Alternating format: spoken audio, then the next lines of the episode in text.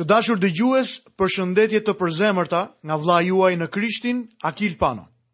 Jam mirënjohës Perëndisë për privilegjin që kemi që së bashku të studiojmë fjalën e Zotit të gjallë.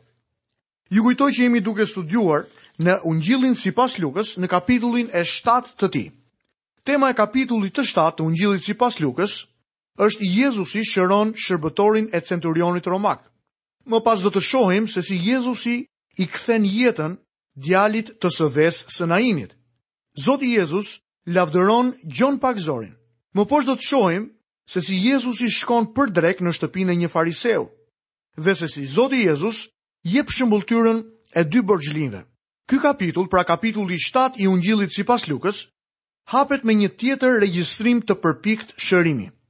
Në këtë rast, është shërbëtori i centurionit romak ai i cili shërohet. Edhe pse Zoti Jezus nuk pati kontakt personal me këtë person, ky shërbëtor u shërua. Ungjilltari Luka është i vetmi që regjistron ngritjen nga të vdekurit të të birit të së vesë së Nainit. Ai është i vetmi shkrimtar i Ungjillit që regjistron se Jezusi ngriti prej së vdekurish dy persona.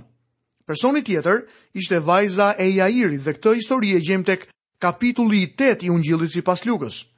Në këtë kapitull jepen gjithashtu shëmbëlltyra e parë e tetëmbëdhjetë shëmbëlltyrave që i regjistron vetëm ungjilltari Luka. Kjo lindi nga vizita e Zotit Jezus në shtëpinë e një fariseu, ku një grua vajosi këmbët e tij me vaj.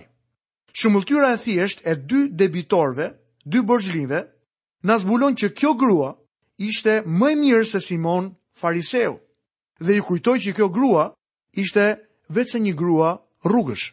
Do të lexojmë menjëherë në kapitullin e 7 të ungjillit të Lukës, Nga vargu i parë. Si e përfundoi gjithë këtë ligjëratë drejtuar popullit që e dëgjoi, hyri në Kapernaum. Tani një centurion kishte një shërbëtor që e donte shumë, e kishte të sëmurë keq për vdekje. Dhe centurioni kur dëgjoi për Jezusin, i dërgoi disa pleq judenj që ta lusnin të vinte dhe të shëronte shërbëtorin e tij. Si arritën tek Jezusi, Ata e lutën me ngulm duke i thënë, Ai e meriton që ti ta pranosh këtë gjë, sepse ai e do popullin tonë dhe ai na e ndërtoi sinagogën. Atëherë Jezusi shkoi me ta. E kur ishte jo shumë larg, centurioni dërgoi disa miq të tij për t'i thënë, Zot mos u shqetëso, sepse unë nuk jam i denjë që ti të hysh në pullazin tim. Për këtë shkak, nuk e çmova veten të denjë të vij tek ti, por ti fol një fjalë dhe shërbëtori im do të shërohet. Sepse edhe unë jam një njeri nën autoritetin e tjetërkujt dhe kam nën urdhër ushtarë, dhe i them njërit shko dhe ai shkon, dhe një tjetri eja dhe ai vjen, dhe shërbëtorit tim bëje këtë dhe ai e bën. Kur i dëgjoi këto fjalë, Jezusi u mrekullua prej tij dhe duke iu drejtuar turmës që i vinte nga pas, tha, Unë po ju them, se as në Izrael nuk kam gjetur një besim kaq të madh. Dhe kur të dërguarit u kthyen në shtëpi, shërbëtorin që kishte qenë i sëmurë e gjetën të shëruar. Në këtë qytet kishte shumë ushtarë romakë. Një centurion ishte një oficer romak që komandonte 100 njerëz. Me sa duket, ky oficer kishte besim në zemrën e tij. Dashuria e tij për kombin hebre zbulohej dukshëm nga fakti që ky person ndërtoi një sinagogë në qytetin e Kapernaumit. Në pozitën e tij, ai ishte një oficer me autoritet Ai mund t'i thoshte një ushtari bëj këtë ose shko atje ose hajde këtu dhe ushtari do të bindej. Ai e kishte kuptuar se Zoti Jezus kishte atë lloj fuqie që mund ta shëronte shërbëtorin e tij veç duke përdorur një fjalë. Jezusi u mahnit nga besimi i këtij njeriu, megjithëse ai ishte pagan, jo hebre. Vetëm në dy raste Jezusi na shfaqet i mahnitur. Ai u mahnit për besimin e centurionit dhe për mosbesimin e Izraelit. Jezusi i kthen jetën birit të së vesë së Nainit. Për këtë do të lexojmë në Ungjillin e Lukës kapitulli 7, vargjet 11 deri në vargun e 16. Dhe të nesërmen ai shkoi në një qytet që quhej Nain, dhe bashkë me të shkonin shumë nga dishepujt e vet dhe një turmë e madhe. Dhe kur iu afrua portës së qytetit, ja që po çonin për ta varrosur një të vdekur, djalin e vetëm të nënës së tij, e cila ishte e ve. Dhe një turmë e madhe nga qyteti ishte me të.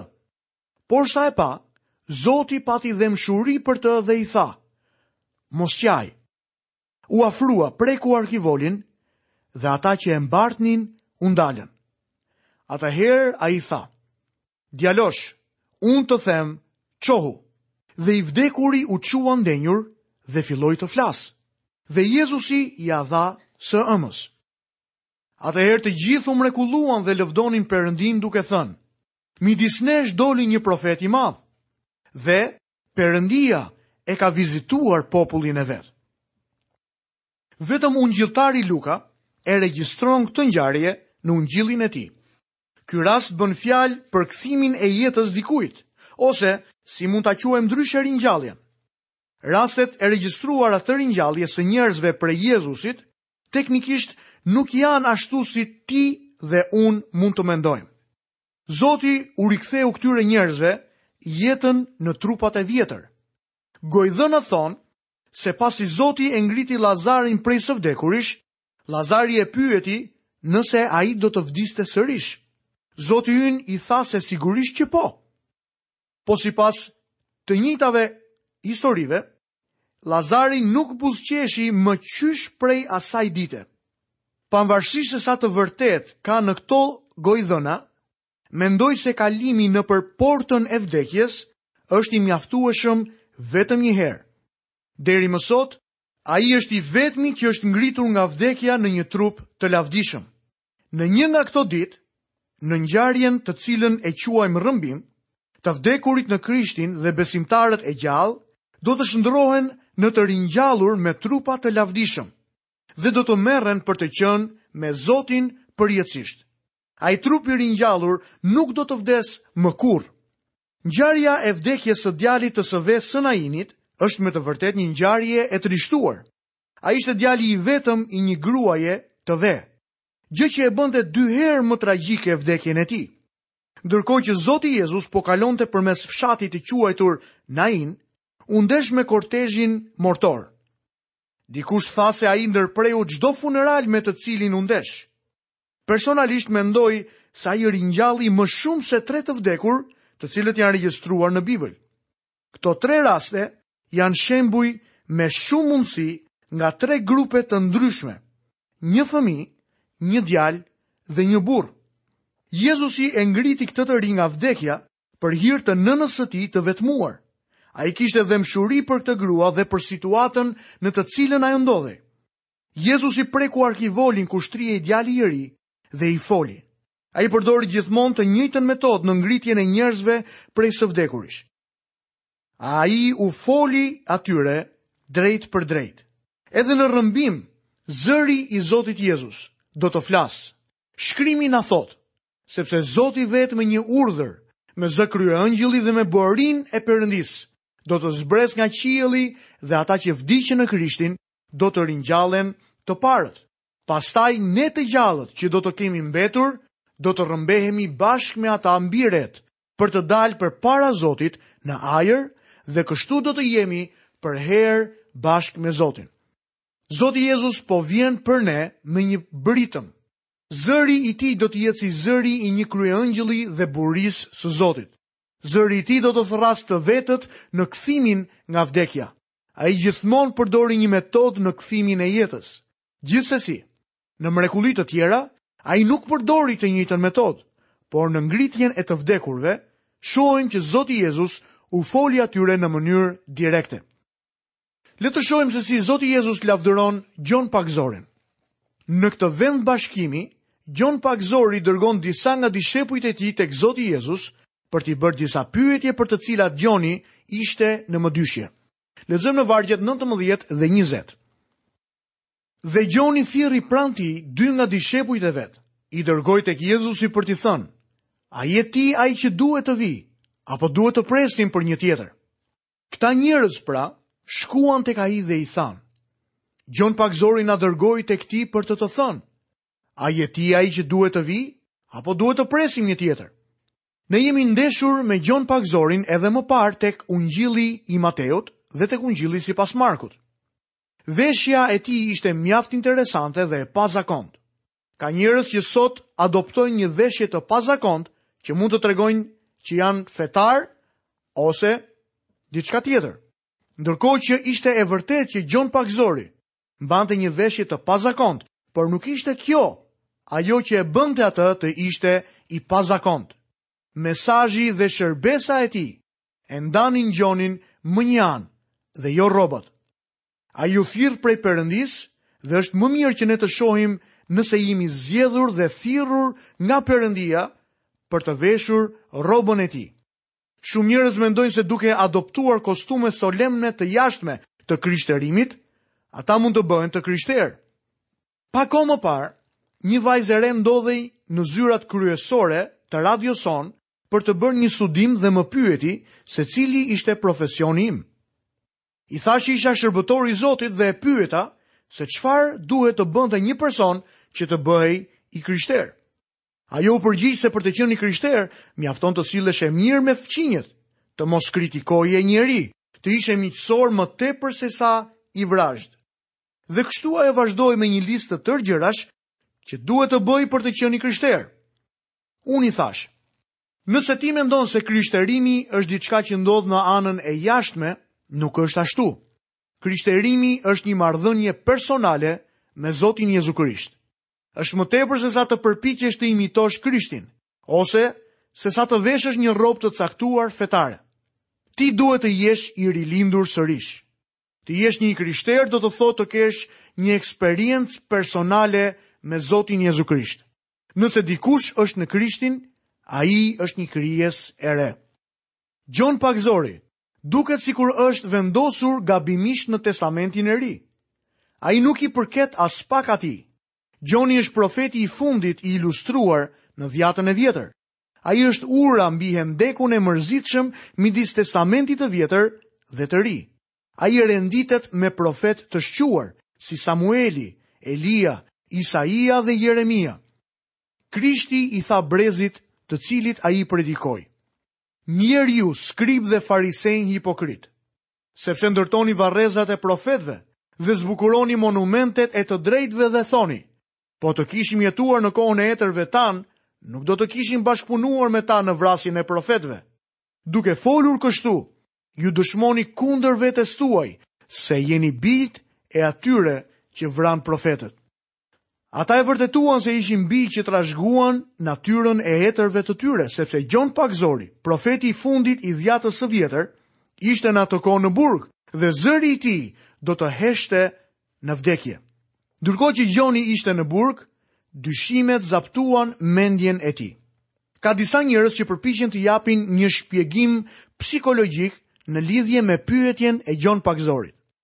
A je ti ai i cili duhet të vijë? Gjoni po priste dhe kërkonte për Mesinë, kështu që sigurisht që donte të dinte nëse Krishti ishte pikërisht ai person. Të përpiqesh ta shpjegosh këtë çështje nga ana psikologjike është disi zbavitëse.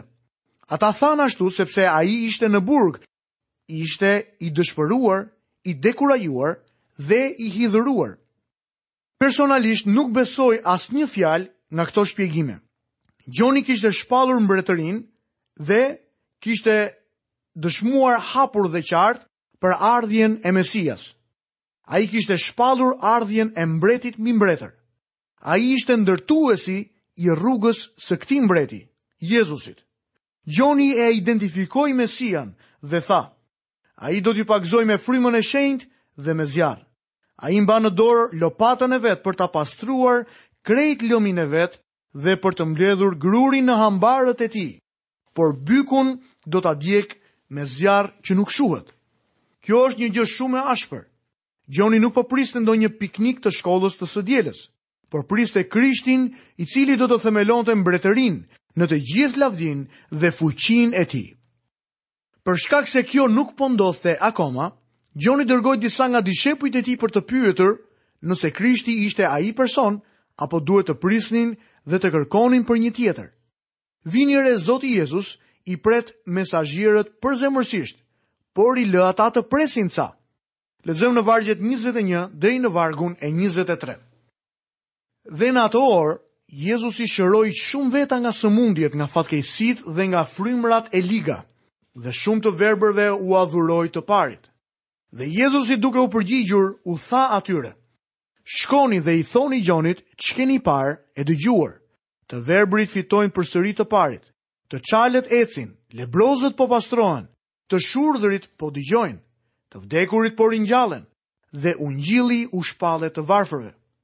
I lumi ai, i cili nuk do të skandalizohet prej meje.